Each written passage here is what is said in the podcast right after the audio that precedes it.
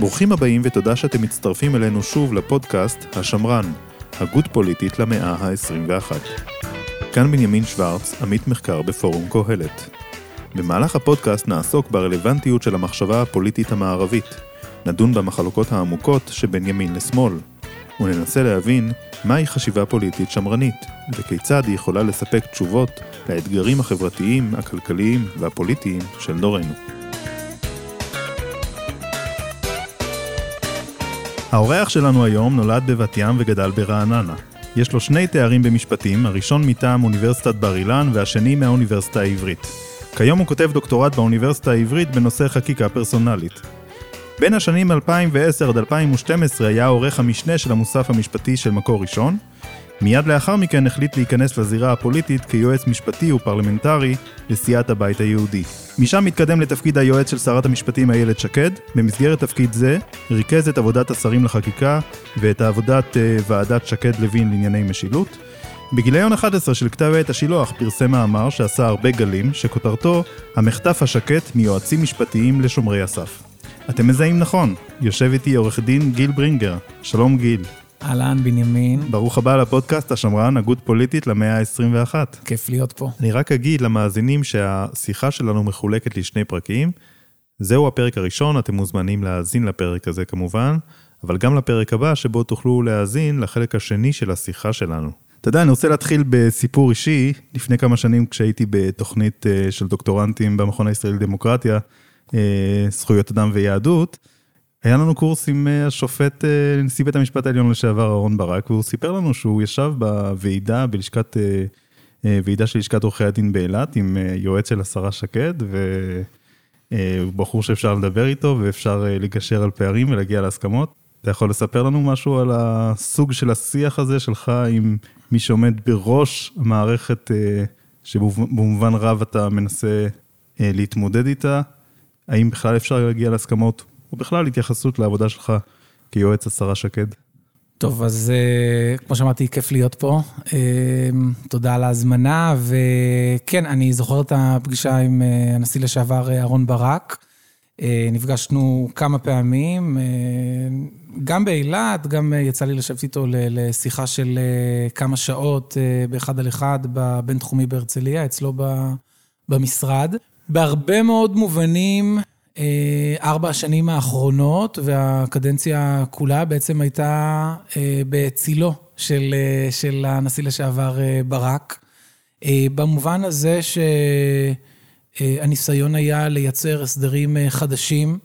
איילת שקד פרסמה בשעתו את המאמר של המסילות אל המשילות. Mm-hmm. בהרבה מאוד מובנים השתדלנו לסטות מהמסילות שהניח אה, אהרון ברק, אה, חשבנו שהן אה, מובילות למקומות לא מוצלחים מבחינת היחסים בין הרשויות, והמטרה מבחינתנו הייתה להניח מסילות חדשות. השיח עם אהרון ברק התקיים פה ושם, אבל mm-hmm. בעיקר דרך נאומים, רפורמות, חוקים חדשים, ו... גם ביקורת במקומות שהיה צריך. אבל היו שרי משפטים שניסו לעמוד מול אה, המהפכה החוקתית, והיו הרבה הצעות חוק שאולי לא התגבשו בחלקן. אז האמת שלא היו הרבה שרי משפטים כאלה, זאת אומרת, אה, היה את אה, פרופסור דניאל פרידמן, שאני באופן אישי מאוד מעריך אותו, mm-hmm. למדנו ממנו הרבה, וברוך השם שהוא השאיר את המורשת שלו, אבל אתה יודע, למקיאוולי יש ביטוי כזה, הוא מבחין בין ה... בין הנביאים החמושים לאותם נביאים שהם לא חמושים. דניאל פרידמן היה נביא, אבל הוא היה נביא לא חמוש, במובן הזה שלא היה לו כוח אה, פוליטי, הוא לא היה נציג של מפלגה. במובן הזה איילת שקד הייתה נביאה חמושה, זאת אומרת, היא הגיעה גם עם כל הרעיונות וגם עם כל המורשת. לא גמדה ולא ננסית, אבל בהחלט על כתפי ענקים שהיו לפניה. אה, אבל היא הייתה חמושה. והשם הזה של הרעיון שהיא הובילה לקדמת הבמה של השיח הציבורי בישראל, הוא המושג שמרנות.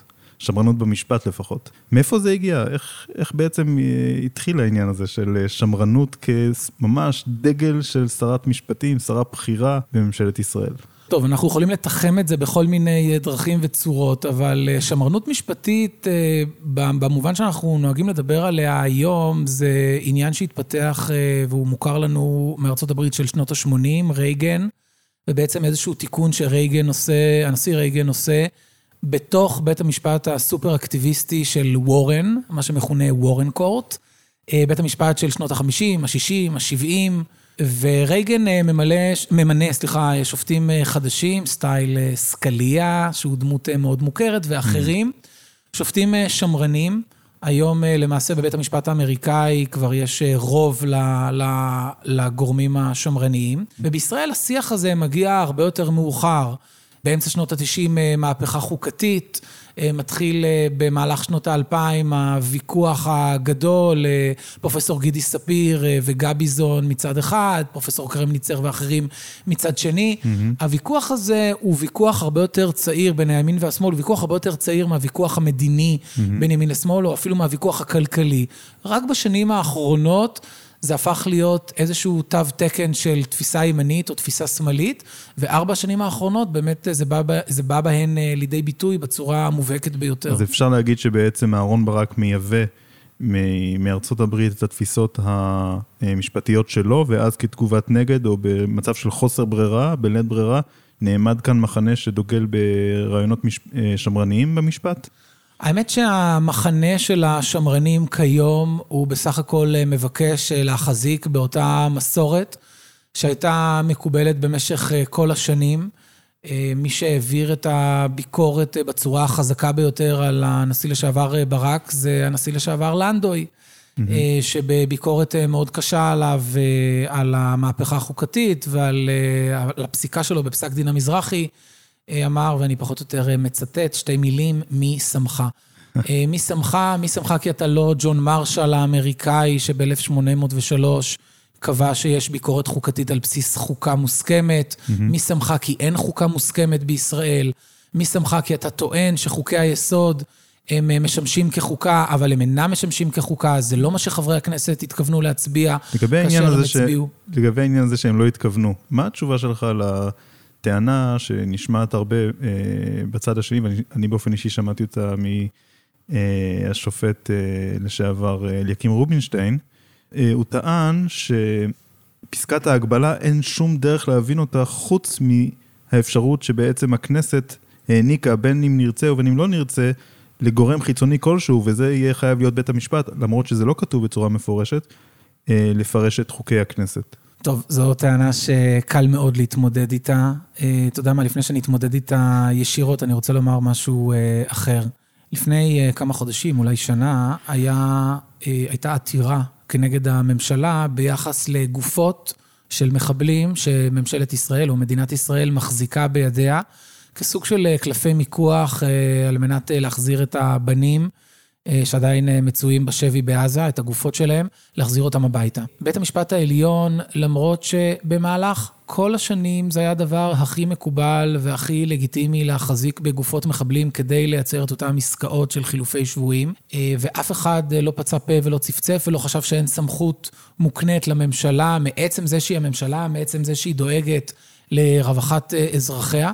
אף אחד לא חשב שאין סמכות לממשלה להחזיק בגופות, ובית המשפט דקדק ודקדק עם הממשלה, איפה מקור הסמכות המפורש שלכם לעניין הזה. לא יכול להיות שבדברים הבסיסיים ביותר, שקשורים בביטחון שלנו, כן. כאזרחים, וקשורים במחויבויות המוסריות הכי הכי קשות, שם בית המשפט מדקדק ושואל, איפה הסמכות המפורשת שלכם, מעבר לזה שהממשלה היא שומרת על ביטחון אזרחי מדינת ישראל. אבל כאשר אנחנו מדברים על סמכות שהיא הדרמטית ביותר, הסמכות לפסול את חוקי הכנסת, לא יכול להיות ששם בית המשפט העליון עושה לעצמו חיים קלים ומסיק את זה בכל מיני שיטות של היסקים.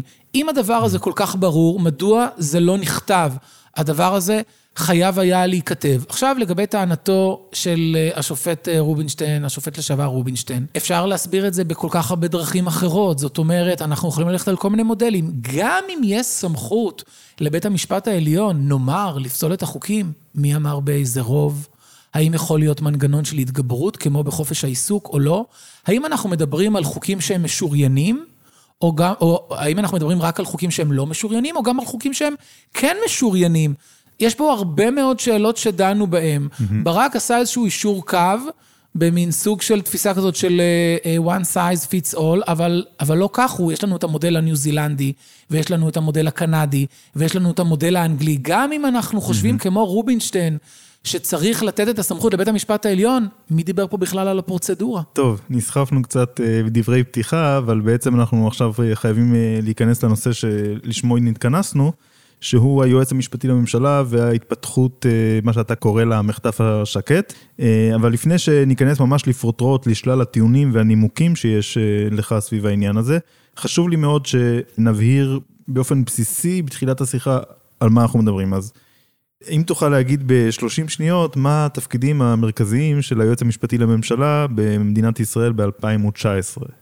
אוקיי, okay, אז היועץ המשפטי לממשלה כמובן הוא ראש מערך התביעה, ובזה אין אה, כל מחלוקת. במובן הזה הוא עומד מעל פרקליט המדינה. מעבר לזה, הוא משמש כעורך הדין של הממשלה. עורך הדין במובן הכי פשוט של המילה, יש לו יחסים של עורך דין לקוח, הכי פשוטים שיכולים להיות, כאשר הלקוח שלו זו הממשלה. אה, הוא צריך במובן הזה להגן על העמדה שלה בבתי משפט, לייעץ, לסייע לה לגבש את המדיניות. וכמו שוועדת אברמוביץ' קבעה, ואולי אנחנו ניגע בזה בהמשך, הוא צריך לעשות כל שביכולתו כדי ליישם את מדיניות הממשלה במהירות וביעילות. כמובן שהכל נעשה על פי חוק. האם תוכל ב-30 שניות להגיד מה נקודות המחלוקת המרכזיות שיש היום בחברה הישראלית לגבי תפקידו של היועץ המשפטי, או תפקידיו של היועץ המשפטי לממשלה? אוקיי, okay, אז uh, האמת שכל נקודה שנגעתי בה במסגרת ההגדרה של היועץ המשפטי, mm-hmm. כמעט כל נקודה היא נקודה שהיום במחלוקת. ראש מערך התביעה אה, זו גם שאלה, מכיוון שיש מי שרוצים אה, לפצל אה, בין תפקידי היועץ, ייעוץ לחוד וראש מערך התביעה לחוד, ברור שהוא היום ראש המערך, אבל השאלה אם כך צריך להיות. כן. לשמש כעורך דינה של הממשלה, יש כאלה שלא רואים את זה כך. הייעוץ המשפטי כן. לא רואה את הממשלה כלקוח שלו, הוא רואה לפעמים את הציבור כלקוח, כן, לפעמים אנחנו... את האמת, לפעמים את הצדק. אנחנו נרחיב על זה כמובן מיד, ושאלה אחרונה הקצרה. ב-30 שניות, מהן אבני הדרך בהתפתחות ההיסטורית של תפקיד היועץ המשפטי? בהקשרים של ייצוג המדינה בערכאות ומי אחראי על האינטרס הציבורי והאם הממשלה יכולה לסטות כן או לא מעמדת היועץ המשפטי לממשלה בבתי משפט וכו' וכו', הנקודות הן כאלה. נקודה ראשונה, נקודת ציון ראשונה, היא אוקטובר 62, ועדה בראשות השופט אגרנט דנה בשאלה הזאת ומנסה להסדיר את היחסים שבין הממשלה ליועץ המשפטי. 30 ומשהו שנים קדימה, לקראת סוף שנות ה-90, אה, ועדת שמגר חוזרת על אותו עניין, אה, ביוזמה של השר צחי הנגבי, וקובעת אה, פחות או יותר את אותו הדבר ביחס לייצוג הממשלה בבתי משפט. ולפני כעשור, ועדת אברמוביץ', שהיה מנכ"ל משרד החוץ, גם כן דנה באותם עניינים, אני מניח שאנחנו נדבר עליהם בהרחבה. כן, עכשיו אחרי ההקדמה הזאת, אחרי שדיברנו קצת על... Uh... מה ההתפתחות ההיסטורית של אה, תפקיד, זאת אומרת, מה הנקודות המרכזיות בהתפתחות, ונרחיב על זה בהמשך, ואמרת קצת על מה, מה התפקידים המרכזיים שלו, אפשר אה, לגשת לשיחה בצורה אה, יותר, מה שנקרא, יותר בנחת, ולהתחיל לפתח את הטיעון ולהציג אותו בצורה סדורה. אז תראה, יש ויכוח חריף שמתנהל מאז קום המדינה בעצם לגבי תפקיד היועץ המשפטי לממשלה. אה, בתוך הוויכוח הזה אנחנו מוצאים שני סוגים של ניגודים רטוריים שמשמשים את שני הצדדים בוויכוח. אה, מצד אחד יש את ההנגדה שמועדפת עליך, שזה עורך דין של הממשלה או נביא אלוהים, בלועזית אורקל. וכמובן שבתוך ההנגדה הזאת נשמע יותר סביר לבחור באופציה הראשונה, שהוא עורך דין של הממשלה, כי אנחנו uh, כרגע לא מדברים על נביאים אלוהיים. ההנגדה שמן הצד השני, שמועדפת uh, למשל על המשנה ליועץ המשפטי לממשלה דינה זילבר, זה אה, משרת, אה, האם אה, בעצם היועץ המשפטי לממשלה הוא משרת הציבור, או שהוא יועץ שמשרת שלטון מושחת, בלועזית קונסיליירי. וכמובן, בהנגדה הזאת אנחנו מעדיפים אותו כמשרת הציבור. השאלה שלי, למה ההנגדה שאתה מציע טובה יותר מזו של דינה זילבר? אז האמת שיש לי תשובה מאוד טובה לעניין הזה, כי זו לא הנגדה שאני הצעתי. זו הנגדה שיצר גדעון האוזנר, היועץ המשפטי לממשלה, ב-62. אה, מה שקרה הוא דבר כזה. אה, בן גוריון ביקש מהשופט אה, אגרנט, הוא מוכר לנו בעיקר כאגרנט של יום כיפור, אבל הוא כבר פעיל ב-62, במסגרת ועדת אגרנט אחרת. בן גוריון מבקש ממנו להסדיר את היחסים שבין היועץ המשפטי לממשלה והממשלה. עיקר העניינים נוגע בסוגיות פליליות, יש בעצם חמש סוגיות שבן גוריון מבקש תשובה בהן. ארבע מהן הן פליליות. אבל סוגיה אחת, חמישית, נוגעת לענייננו, וזה מי קובע את הדין. האם הממשלה רשאית לסטות מחוות דעת משפטית של היועץ המשפטי לממשלה, כן או לא? וועדת אגרנט קובעת בצורה אה, מאוד ברורה שהסדר הטוב של הדברים, זאת אומרת, אני אומר במילים שלי, החוכמה הפוליטית, העובדה שבסוף לממשלה יש סמכות שיורית, היא מנהלת את ענייני כל המדינה. הסדר הטוב של הדברים אומר שהממשלה צריכה לראות את חוות דעתו של היועץ המשפטי לממשלה, לצאת מתוך נקודת מוצא שהיא מבטאת את הדין. אבל, ועכשיו אני מצטט, כן. הוועדה לא מסתפקת בכך, ומוסיפה ואומרת, עם זאת, רשאית הממשלה, תוך צאתה מן ההנחה האמורה, להחליט כיצד עליה לפעול במקרה המסוים, לפי שיקול דעתה שלה. בן גוריון מביא את הדבר הזה לממשלה באוקטובר 62, כן. ושואל את היועץ המשפטי לממשלה, גדעון האוזנר, המוכר לנו, האם הדברים מקובלים עליך? והאוזנר אומר לו בצורה הברורה ביותר, אלא מה? מה אני, אורקל של הממשלה? בוודאי, הוא אומר, לא עלה על דעתי, וכל מי שאומר אחרת מנסה להפוך אותי לקריקטורה, הוא מציג אותי באור קריקטוריאלי, הוא אומר, לא עלה על דעתי לקבוע עבור הממשלה. אני בסך הכל מייעץ, אני אומר לה, על פי התקדימים, על פי מה שמקובל, על פי ההבנה שלי את החוק, הדין הוא א', ב', ג', ד', ה'. אם את רוצה, עשי אחרת. במובן הזה הממשלה שונה מכל רשות מנהלית אחרת. כל רשות מנהלית אחרת חייבת לקבל את חוות דעתו של היועץ המשפטי לממשלה כזה ראה וקדש, ואילו הממשלה, מצד הסדר הטוב של הדברים, יוצאת מנקודת המוצא הזו, אבל רשאית בהחלט, בכל מקרה שנראה לה, מסיבותיה שלה, לסטות מחוות הדעת הזו. אז mm-hmm. קודם כל אני אומר, זה דבר שגדעון האוזנר אמר. עכשיו, אני אבל לא אעשה לעצמי את החיים קלים, ואני אומר שכאשר אנחנו מדברים על הממשלה ועל הייצוג המשפטי שלה בבתי משפט, יש בהחלט מתח. מכיוון שהממשלה היא לא כמו כל לקוח אחר. עכשיו אני רוצה להבחין בין שני מצבים שונים. אחד, יחסי עורך דין לקוח ביחס לממשלה והיועץ המשפטי לממשלה. שניים, לדבר על הלקוח עצמו, שזו הממשלה. אני חושב שהממשלה היא לקוח מאוד מיוחד. היא לא כמוני או כמוך כשאנחנו מנהלים סכסוך משפטי עם איזשהו יריב משפטי שלנו. המטרה שלנו היא בסך הכל לזכות בתיק המשפטי. כן. כאשר הממשלה מנהלת סכסוך משפטי, כאשר יש עתירה נגד שר או נגד הממשלה, חוץ מלזכות, היא גם רוצה צדק. Mm-hmm. בסוף, כמו שכתוב על, אה, ב, ב, על הגג של אה, משרד המשפטים האמריקאי, state always wins. ו-state always wins לא בגלל שהיא תמיד מנצחת, אלא כי טובת הכלל תמיד יוצאת נשכרת. במובן הזה הממשלה היא לקוח יוצא דופן, היא לא רק רוצה סטטיסטיקה של ניצחונות, היא גם רוצה לייצר את הטובה הכללית. זה דבר אחד, במובן הזה היא לקוח מורכב. מבחינת יחסי עורך הדין והלקוח, גם כאשר הלקוח היא הממשלה, אין מורכבות ביחסים. זאת אומרת, המורכבות באה לידי ביטוי כאשר הממשלה בינה לבין עצמה חושבת מהי העמדה שאני אציג בפני בית משפט. האם אני רק רוצה לזכות? Mm-hmm. האם אני רוצה גם לייצר טובה כללית? מה שר הפנים חושב על זה? מה שר הרווחה חושב על זה? מה שר האוצר ומה שרת המשפטים, או שר המשפטים, חושב על זה? מרגע שהממשלה יצרה לעצמה איזושהי עמדה, העמדה הזו, לטעמי, צריכה להיות מיוצגת באופן האותנטי ביותר בבית משפט, בדיוק כמו שכל עורך דין מייצג כל לקוח אחר. זילבר עושה דבר אחר.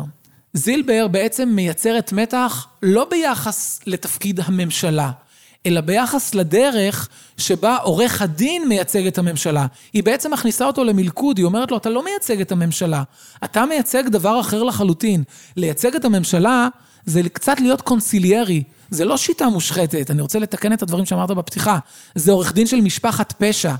זאת אומרת, לומר על, לומר על עורך הדין של הממשלה, ליועץ המשפטי לממשלה, אתה צריך לבחור בין נאמנות לציבור לבין ייצוג כקונסיליארי, המשמעות היא, אם אתה לא תייצג את הציבור, שאנחנו עוד מעט נדבר על מיהו אותו ציבור, אתה בעצם מייצג, אתה הופך להיות עורך דין של משפחת פשע, אתה מייצג משפחת פשע, אתה דואג עכשיו לאיזשהו אינטרס נקודתי גריידא של איזשהו מנכ"ל, האחיינית שלו, השכן שלו, זה שהוא בא בעסקים איתו.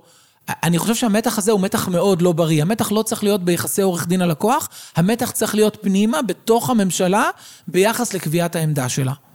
אבל יש מצבים, ובמובן הזה יש היגיון אולי בדבריה של דינה זילבר, שיש מצבים שבהם היועץ המשפטי כן אמור לעשות, אה, אה, וזה אנחנו רואים אולי גם בוועדת אגרנט, שיש פה בעצם סוג של פשרה, כי מצד אחד אומר, ועדת אגרנט מדברת בלשון קצת כפולה, נכון? כי מצד אחד היא אומרת, היועץ המשפטי כל עוד שאין לשון החוק בעניין אה, מפורשת, היועץ המשפטי לממשלה מחווה את דעתו ודעתו יש לה משמעות כפר, כפירוש החוק ה... כאיזושהי נקודת מוצא. לא, אבל למרות זאת, אם, אם הממשלה רוצה, היא לא חייבת להקשיב, כמו שאתה הדגשת. אז יש פה בעצם סוג של פשרה, שבתוך הפשרה הזאת יש בה גם את הקול הזה, שהתפקיד של היועץ המשפטי הוא בעצם לפקח או להגביל את הממשלה. יש פה אפס אמירה לגבי פיקוח או הגבלה. האמירה היא לגבי זיהוי הדין. Mm-hmm. היועץ המשפטי לממשלה ב-62' בוועדת אגרנט, אה, וזה כמובן נעשה בהסכמה מלאה עם מוסד היועץ המשפטי לממשלה באותה תקופה, וגם במשך עשרות שנים אחר כך. מעולם לא נתפס כמי שמפקח על הממשלה. כמובן, יכול להיות שיש יועצים משפטיים שראו כך את עצמם, יכול להיות שיש שרים שראו כך את העניין הזה, אבל בכל ועדה רשמית, והזכרתי ב-30, באותם 30 שניות מפורסמות שנתת לי, בכל ועדה רשמית שישבה בעניין הזה על המדוכה, גם בוועדת אגרנט, גם בוועדת שמגר, גם בוועדת אברמוביץ', מעולם מעולם לא התייחסו ליועץ המשפטי לממשלה ככלב השמירה, mm-hmm. כמפקח, כמי שאמור להגביל את הכוח הפוליטי. הפשרה נכון. שאתה מדבר עליה, אני לא יודע אם הייתי קורא לזה פשרה, אבל זה איזושהי נקודת מוצא לעומת נקודת יציאה. נקודת המוצא היא שהיועץ המשפטי לממשלה מזהה עבור הממשלה, כמו עבור כל רשות שלטונית אחרת, את הדין כפי שהוא מבין אותו. תרצה הממשלה וסיבותיה עימה לסטות ולקבל את יומה בבית המשפט, כמובן שהיועץ המשפטי הוא לא רשות שיפוטית.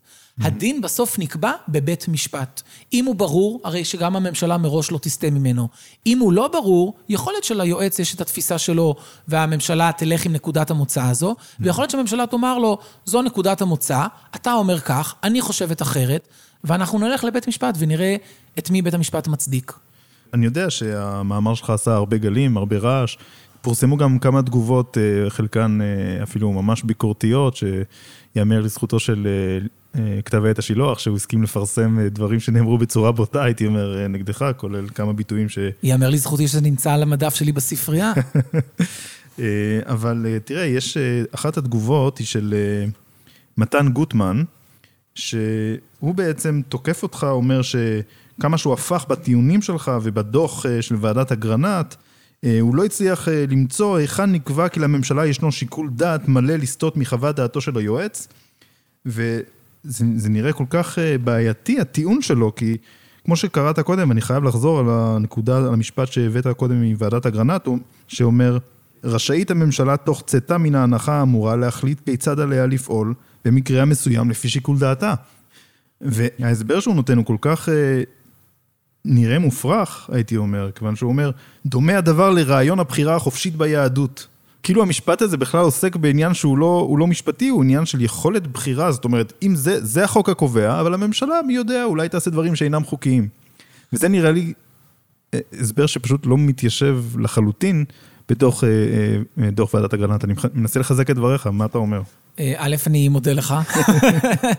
אה, אז אני אומר ככה, מתן, אם אתה שומע אותנו כרגע, אז אה, גש בבקשה לדוח ועדת אגרנט, ותקרא, הדוח מופיע בספר קלינגהופר. תראה שם על המשפט הציבורי, המאמר מופיע בעמודים 421 עד, עד, עד עמוד 449. תעיין בבקשה בעמוד 448. או תעיין פשוט אה, במאמר שאני פרסמתי בשילוח 11 בעמוד 87, אתה תראה שחור על גבי לבן. אז אם אתה שומע אותנו, אנא, הבט שם, זה הכל מופיע שם. תראה, אני עכשיו אומר לך ברצינות. כן. עכשיו, אני אומר את זה לך, בנימין, ולכל המאזינים שלנו. כן. לא יכולה ליפול מחלוקת בעניין ההיסטורי. והצטערתי מאוד שהביקורות, שחלקן היו יותר ענייניות וחלקן היו פחות ענייניות, אבל ללא יוצא מן הכלל, אף אחת מהביקורות לא באמת התמודדה עם השאלה ההיסטורית. Mm-hmm. זאת אומרת, לא מצאתי ראייה לסתור. אבל הוא, אה, אתה יודע מה, אז אני אביא פה נקודה אחת שהוא הביא שכן נמצאה, כן, שכן עשתה היגיון כן. בעיניי, ותאמר לי אה, איך אתה מתמודד איתה. הוא מביא ציטוט של שר המשפטים אה, פנחס רוזן משנת 1948, מדיון במועצת המדינה הזמנית, שבו הוא אומר, אני מצטט, אה, טוב ומועיל ונכון שישב באותו משרד, ופה הוא מתכוון שבכל משרד, כל אחד ואחד ממשרדי הממשלה ישב יועץ משפטי שיפקח על החוקיות של פעולות המשרד. סוף ציטוט. זאת אומרת, הוא, הוא מסיק מכך שהתפיסה שיועץ המשפטי לממשלה והיועצים במשרדים של הממשלה אה, כמפקחים, הוא דבר שהוא קיים היטב ומעוגן במסורת הפוליטית המשפטית של מדינת ישראל. אז תראה מה קורה פה. אני מראה לך את נקודות הציון המשמעותיות של העניין, ואתה מספר לי דברי רכילות. למה אני אומר... גוטמן. למה... כן, בסדר, אבל אתה בוחר לצטט אותו. עכשיו אני אומר לך מה. ישבו שלוש ועדות, רק שלוש ועדות, לא שתיים, גם לא ארבע, בוודאי שלא חמש. אלה הוועדות שקיבלו את המנדט הרשמי לקבוע מה תפקיד היועץ המשפטי לממשלה.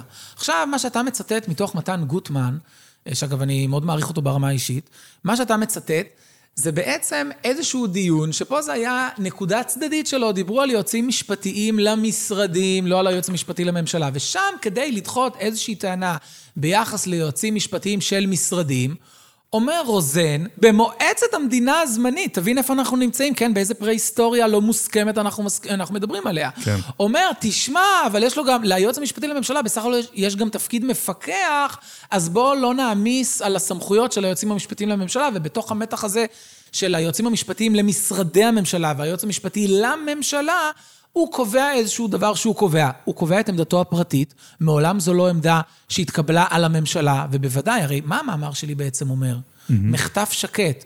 מה זה אומר מחטף שקט? שלמרות שהוועדות, הפסיקות, הדיונים, כל העניינים האלה עד לשנים האחרונות, ואני ממש מתאר את כל התחנות האלה, למרות שהם כולם הולכים בקו אחד מאוד ברור, לאורך השנים היו שרים, והיו יועמ"שים, היו יועצים משפטיים, שכל הזמן ביקשו, בשלב יותר מאוחר בשנות ה-90 וצפונה, כבר שופטים, שמבקשים כל הזמן לכרסם mm-hmm. ולבצע איזשהו מחטף בתוך העניין הזה. רוזן מדבר בתקופה, במועצת המדינה הזמנית, כשמה שיושב לו בראש זה הדגם הבריטי. אנחנו מדברים על דיון מ-48. Mm-hmm. הדגם הבריטי של לורד צ'נסלור. לורד צ'נסלור הוא בעצם יועץ משפטי, אבל הוא לא רק יועץ משפטי, הוא סופר יועץ משפטי. הוא יועץ משפטי שהוא גם שר משפטים. זאת אומרת, זה גם ראש מערך תביעה, וזה גם שר משפטים באותו בן אדם.